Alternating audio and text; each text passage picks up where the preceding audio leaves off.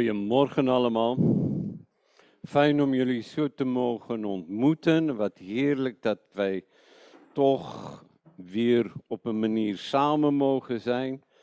Uh, ik dacht, ja, ik zie nu uh, Koos en Saskia ook weer. En ja, nu zijn ze er niet.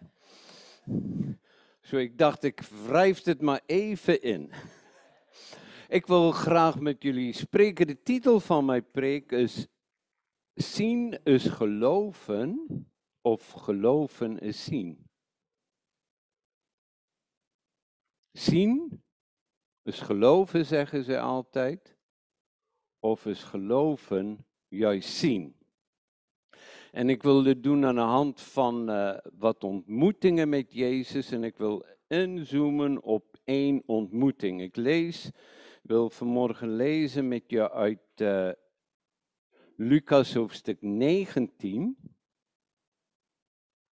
vanaf vers 1. Lucas 19.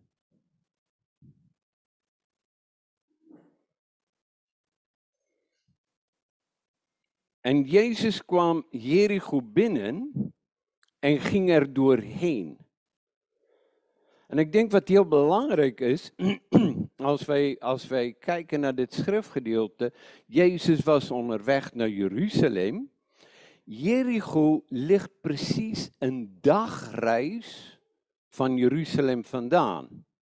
Zoals je onderweg bent om op te gaan naar Jeruzalem, op een pelgrimstocht of voor een feest, dan moet je eigenlijk een Jericho overnachten. En Lucas beklemt toen dat. Jezus kwam Jericho binnen en er was geen verwachting, er was niets geregeld dat hij daar zou overnachten. Zo de volgende plek waar je dan eigenlijk kon, kon overnachten is de zogenaamde herberg van de parmante, ach, barmhartige Samaritaan. En, maar dat is ook nog een flinke trek omhoog richting Jeruzalem. Zo, Lucas bekleemt toen Jezus kwam Jericho binnen en anders dan gebruik van alle pelgrims onderweg naar Jeruzalem, trok hij er doorheen. En zie, dan was een man van wie de naam Zacchaeus was en hij was oppertollenaar en hij was rijk. En hij probeerde te zien wie Jezus was, maar het lukte hem niet vanwege de menigte, omdat hij klein van persoon was. En al vooruitgelopen te zijn, klom hij in een wilde vijgenboom om hem te zien, want hij zou daar voorbij komen. En toen Jezus bij die plaats kwam, keek hij op en zag hem en zei tegen hem, Zacchaeus, haast je en kom naar beneden, want vandaag moet ik in jouw huis verblijven. En Zacchaeus haastte zich en kwam naar beneden en ontving hem met blijdschap. En allen die het zagen, morden onder elkaar en zeiden, hij is bij een zondige man binnengegaan om daar zijn intrek te nemen.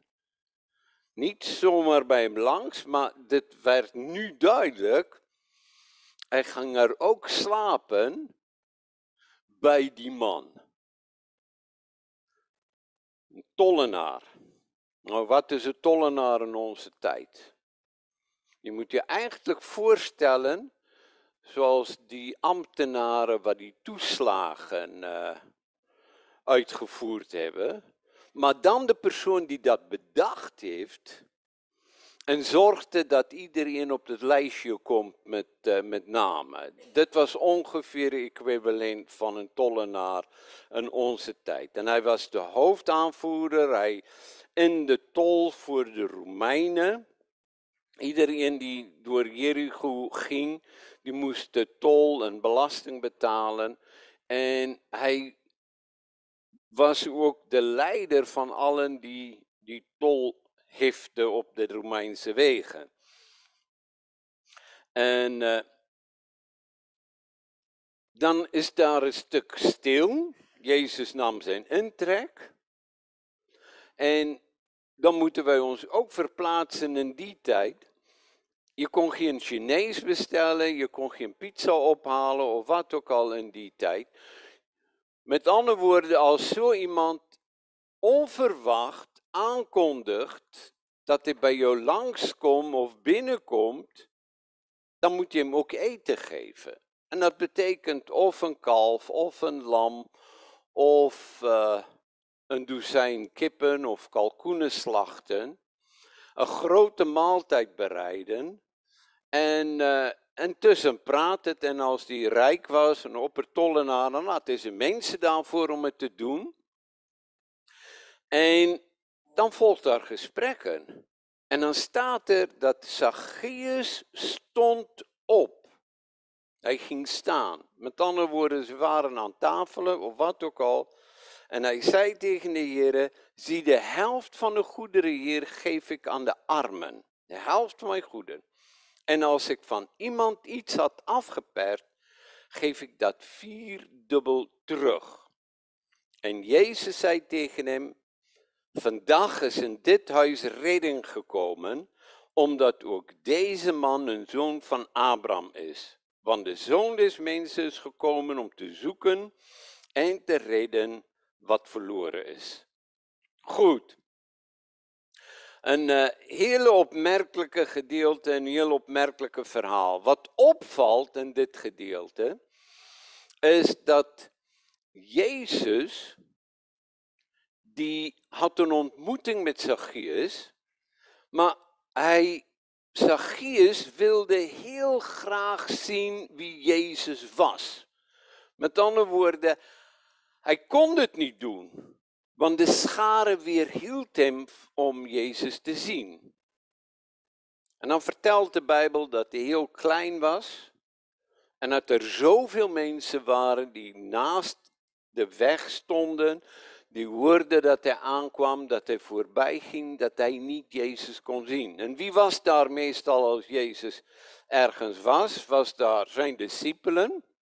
Aantal mensen die constant naar vissen ook. Plus, dan waren altijd van die fariseeën en die sadduceeën en de schriftgeleerden. Met andere woorden, allemaal van die mensen met lange zwarte pakken en eh, allerlei dingen, religieus en uh, niet zulke goede naam onder de mensen. Maar aan de andere kant waren ook heel veel Jezus aangeraakt hebben en door hem beïnvloed zijn. En daar zat een hele grote menigte onder. En al die mensen vormden eigenlijk een verhindering voor Zacchaeus om te ontdekken wie Jezus werkelijk is. En nu is mijn vraag, wat is jouw beeld van Jezus? Hoe wordt jouw beeld van Jezus beïnvloed of in het verleden beïnvloed door allemaal mensen met zwarte pakken, religieuze fariseërs of schriftgeleerden, of door anderen. Wat voor beeld heb jij?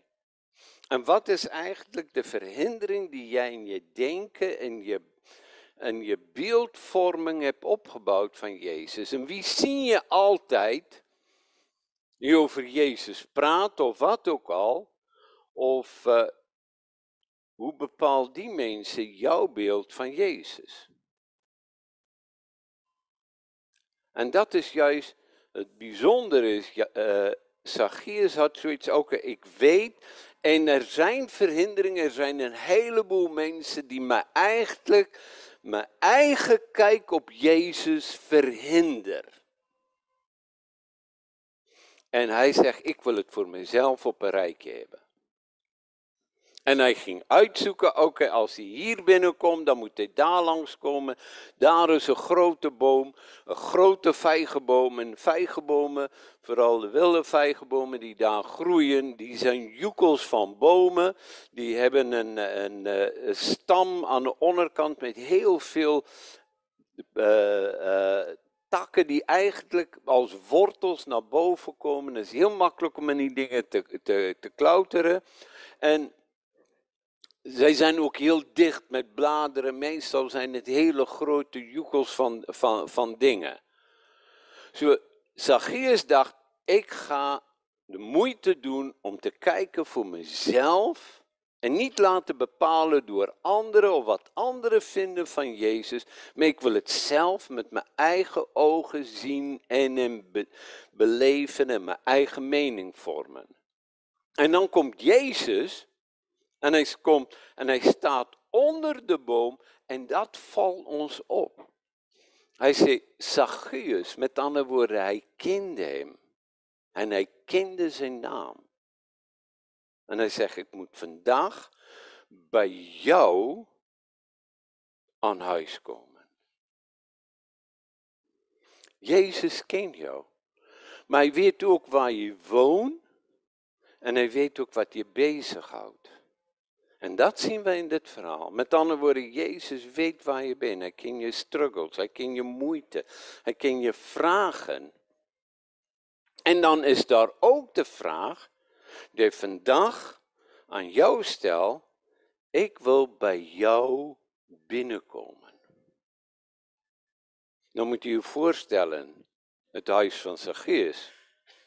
Wat was in zijn huis? alle zinkjes die hij van mensen afgepakt hebben. Met andere woorden, alle bewijs van hoe hij was en wie hij was als persoon, was ook in zijn huis. En de mensen, die wisten het heel zeker. Nou, hoe kan dit nou zeggen? Hij is bij een zondaar, hij is bij een slechte persoon naar binnen gegaan. En dat is nou juist het, het omgekeerde. Jezus kwam binnen en je zag hem niet alleen, hij sprak met hem, hij ontmoette hem en er veranderde iets in Zacchaeus. Dit gedeelte in Lucas volgt op een hoofdstuk 19 in Lucas, volgt natuurlijk op hoofdstuk 18. En wat zien we in hoofdstuk 18? Een blinde man. Oké. Een blinde man, blinde uh, Timotheus. Uh, Bartimaeus. De zoon van Timaeus, van Timotheus. Bartimaeus, die hoorde dat Jezus bezig is om langs te komen. En hij schreeuwde het uit. Hij zegt, wat gebeurt er? Ze zeiden, Jezus kom langs. En hij begint te roepen, Jezus, zoon van David, wees genadig. Jezus, zoon van David, ontferm u over mij. En hij begint te schreeuwen. En dezelfde schare, die eigenlijk in de weg stond van Zacchaeus, die kwam langs bij uh, Bartimaeus en wat zeiden ze? Kop dicht, hou je bek, niet zo schreeuwen. Ik denk niet dat ze mooi netjes met hem sprak. Denk jij dat? De Bijbelvertalers vertalen het altijd heel mooi en netjes, maar daar staat eigenlijk, hou je bek. En hoe meer zij dit probeerde, hoe harder schreeuwde het uit. En Jezus zegt, laat hem bij me komen. En dan vraagt Jezus aan hem, wat wil jij dat ik voor je doen zal? En heel veel mensen, vooral theologen, zie je daar, die wortelen daarover. Hij kan toch zien dat die man blind was. Ja, maar wat wil Bartimaeus zelf? Wat verlangde hij? Waarom riep hij naar Jezus? Wat wilde hij hebben? Wilde hij graag een scootmobiel hebben? Wilde hij een, uh, een geleidehond hebben?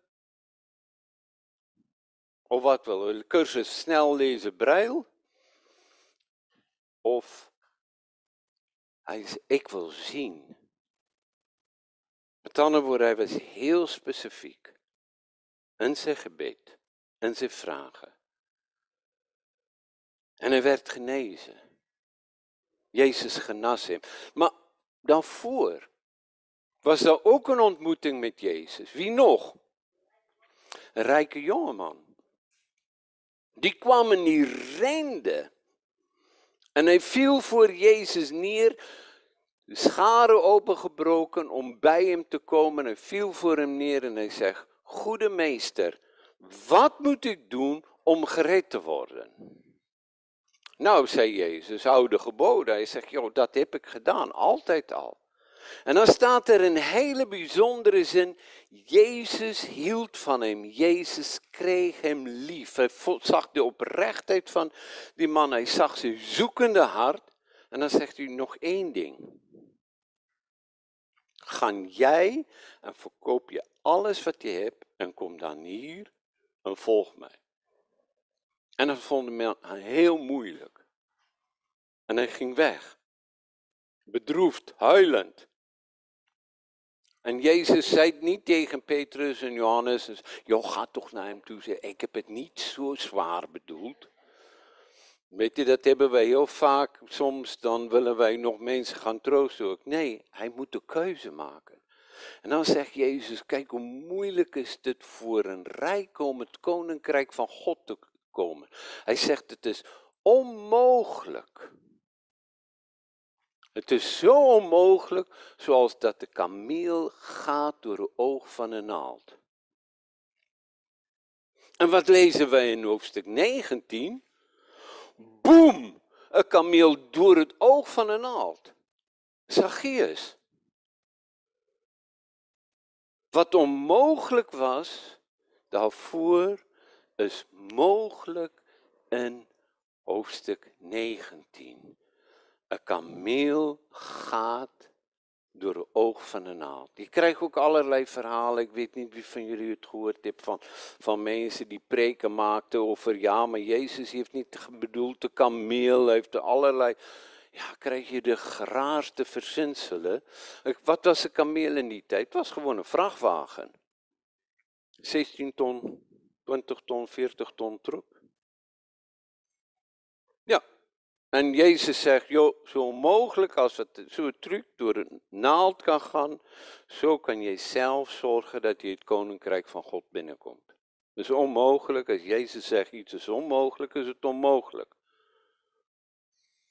En hier dan vragen de discipelen, maar hoe kan dit dan hier? En dan zegt hij, wat onmogelijk voor de mensen is, is mogelijk bij God zoals jouw situatie onmogelijk is, daar is altijd mogelijkheden bij God. En dat zien we hier in hoofdstuk 19. Zacchaeus kwam Jezus tegen en hij ontmoette hem. In plaats daarvan dat hij zijn mening kan vormen wie Jezus is, geloof ik, ging zijn ogen open omdat hij geloofde dat Jezus de Zoon van God is. En Jezus zei, ik vandaag wil ik bij jou maaltijd houden. Ik wil bij je binnenkomen. En dat is ook eigenlijk wat wij doen en vieren met avondmaal. Dan ontvangen wij het lichaam van Jezus en het bloed van Jezus. En wij zeggen, Heer, wie is welkom en kom binnen. En hoe ontvangt Zacchaeus Jezus? Het is niet tijd om alles op te ruimen. Dat is niet tijd om schoonschap te maken. Maar doordat hij Jezus ontving in huis, kwam er herstel. En mag hij in zijn bestemming gaan wandelen. Iedereen heeft een naam en roep om, uh, iedereen heeft een naam voor hem en een mening over Zacchaeus. Collaborateur, zondaar, iedereen vond dat hij een slecht mens was. En Jezus komt binnen en hij zegt, ook deze is een zoon van Abraham. Met andere woorden, God heeft hem gezien niet alleen nu, maar voor de grondlegging van de wereld. God heeft een plan voor zijn leven. Hij heeft een bestemming. Hij wordt niet bepaald, zijn bestemming en zijn doel in het leven niet bepaald door wat andere mensen van hem vinden, maar wat God in hem ziet. En Jezus zag Zacchaeus en er kwam verandering. Doordat hij Jezus toeliet om zijn leven binnen te komen. En ik wil je vanmorgen vragen, hoe ken jij Jezus? Is je beeld wat anderen je gegeven hebben, of heb je zelf een eigen beeld van Hem? Wanneer laatst heb je moeite gedaan om Jezus te leren kennen? Wat is zijn lieveling eten? Wat is zijn favoriete kleur? Wat is zijn favoriete geur?